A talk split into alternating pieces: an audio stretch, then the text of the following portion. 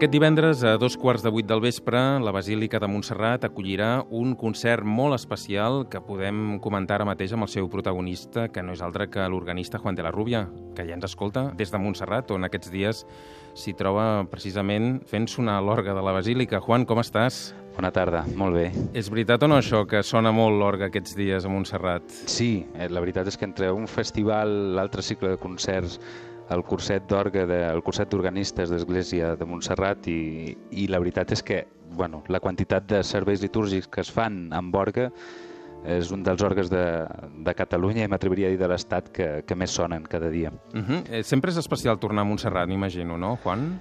Sens dubte, sens dubte. Per una banda, per l'ambient l'ambient que es respira, per la, també la, la bona disposició de la casa de Montserrat envers la música, amb l'escolania, amb els concerts que s'organitzen.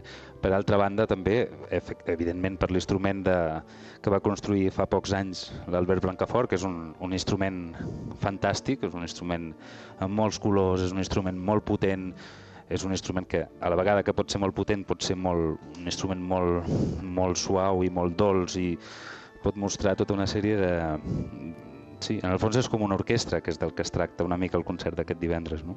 Potser per això has escollit el de Montserrat mm, com a orga per estrenar aquesta obra que ara comentarem, oi? Sí, sí, per aquesta raó, és a dir, per, per el caràcter sinfònic d'aquest instrument i perquè permet eh, doncs, simular, simular o, diguem-ne, bueno, imitar o tractar de mostrar tot allò que l'orquestra mostra eh, com a instrument, que l'orgue ho pugui fer també a la seva manera, però d'una manera d'una manera semblant. Per altra banda, també és cert que el, aquest concert que ja vinc fent des de fa 3 anys, de manera una mica, bueno, diguem-ne ja que és quasi tradicional aquí a Montserrat, és un concert on jo aboco eh, moltes vegades les meves obsessions de cada any, és a dir, les meves obsessions musicals, allò que normalment durant un any em fa treballar molt, Eh, enguany ha estat Brahms, un altre any potser ha estat transcripcions de Wagner, un altre any ha estat Liszt o que eh, sí, i és un, a més és un instrument el que tinc l'oportunitat de treballar-hi molt i llavors puc preparar un concert eh, d'aquesta dificultat. Uh -huh. Recordem que és un concert que forma part del curs d'organistes d'Església, un curs que fa molts anys que se celebra, i on estrenaràs, ara has esmentat el compositor, la primera sinfonia de Brahms en versió d'orga. Sí, això és molt gros, no? Això ha estat un repte, ha estat un repte que en principi semblava una bogeria i que va començar com un experiment eh, allà pel gener, a començaments d'any, mm, per diverses raons vaig estar sentint força aquesta primera sinfonia de Brahms, que tot i haver-la sentit algunes vegades a la meva vida no, no m'hi havia fixat especialment i és una sinfonia que em va captivar. Em va captivar per, per moltes raons, per qüestions harmòniques, per la força que té, per, per aquests trets semblant de vegades a, a, a les sinfonies de Beethoven, però que a la vegada van més enllà. I vaig decidir bueno, provar a veure com, com sonaria això amb l'orgue. No? I vaig, vaig trobar que el, vaig començar pel primer moviment. El primer moviment, en principi, em va, em va donar algunes dificultats eh, per la transcripció, però bueno, fent un bon treball i intentant mirar una mica a veure com, com em podia sortir. Vaig acabar el primer i vaig decidir que s'havia de fer sencera, llavors la vaig acabar amb els quatre moviments. Això no ha de ser molt habitual, o sí? O hi ha altres organistes que es dediquen a transcriure per al vostre instrument obres tan monumentals com aquestes?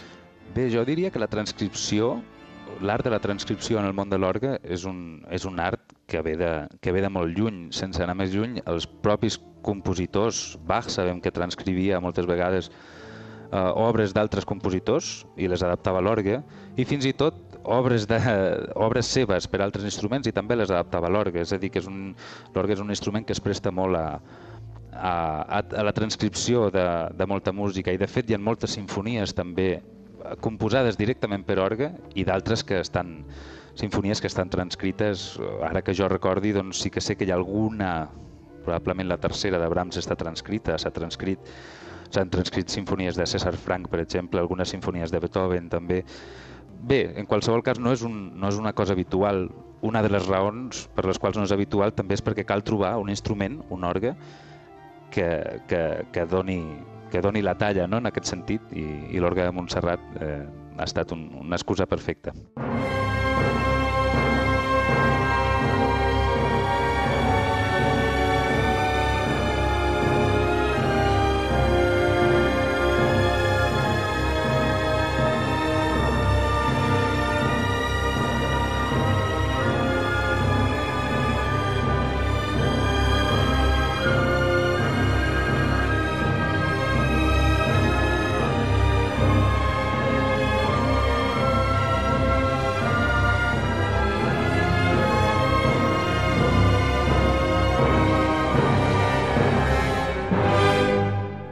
Quines són les dificultats? Deies que el primer moviment t'havia costat una mica més de, de transcriure, potser perquè, perquè era el primer, perquè començaves.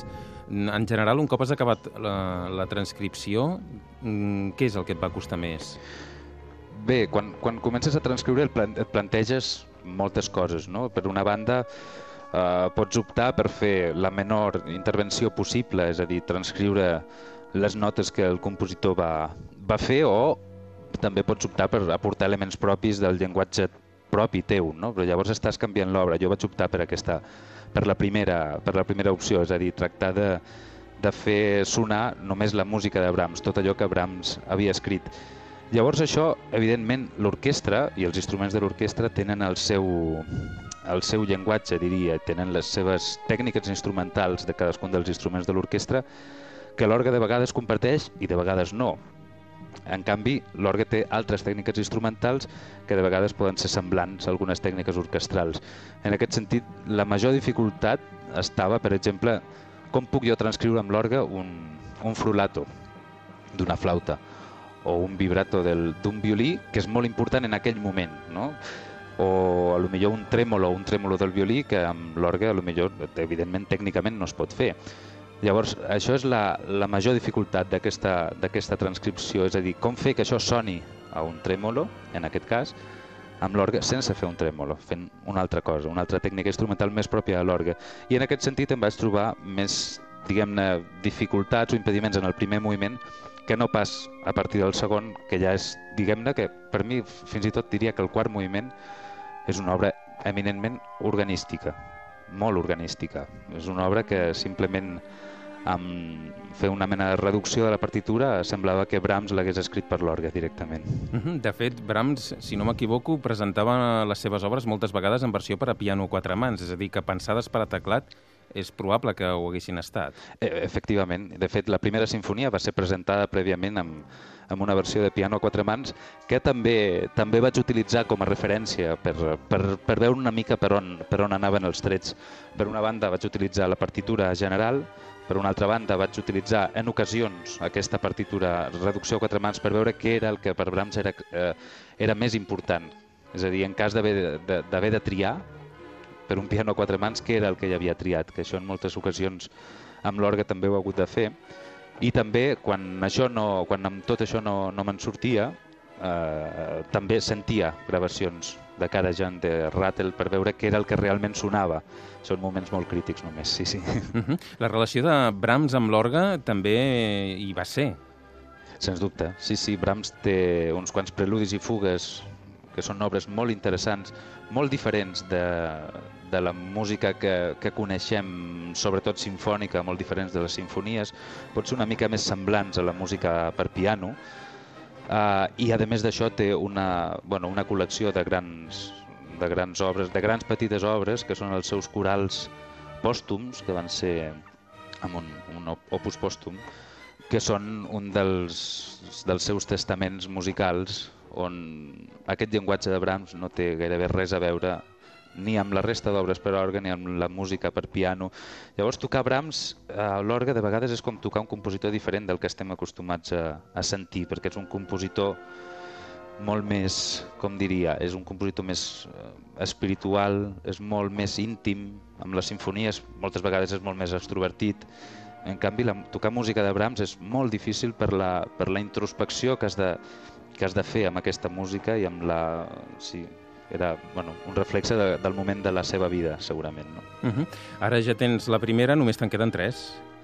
Bueno, ha estat una feina de, de sis mesos, evidentment, amb parades i no dedicant-me única i exclusivament, aviam com, com funciona aquesta, que, que bueno, per ara la veritat és que va tot molt bé, i no descarto, sí, no descarto seguir amb un altre compositor, donat que em sento molt, molt realitzat com a músic fent aquest tipus de, de transcripcions i interpretant-les després. Sí. Uh -huh. Recordem que el concert és aquest divendres a dos quarts de vuit, és un concert d'entrada gratuïta, per tant, si esteu a prop de, de la muntanya de Montserrat o aquell dia, pel que sigui, aneu a visitar el monestir, espereu-vos fins a quarts de vuit perquè m'imagino, Juan, que quanta més gent vingui millor, no? Uh, sí, per descomptat, també per l'acústica, però en qualsevol cas estaré molt content de compartir amb qui vulgui venir aquesta feina que, que m'ha portat tants mesos de, de treball i que jo crec que, que donarà molt bon resultat gràcies a l'instrument meravellós amb què compta Montserrat. Sí, sí. Gràcies a l'instrument i a l'intèrpret. Juan, moltíssimes gràcies i que vagi molt bé aquest concert. Gràcies a vosaltres. Bona tarda.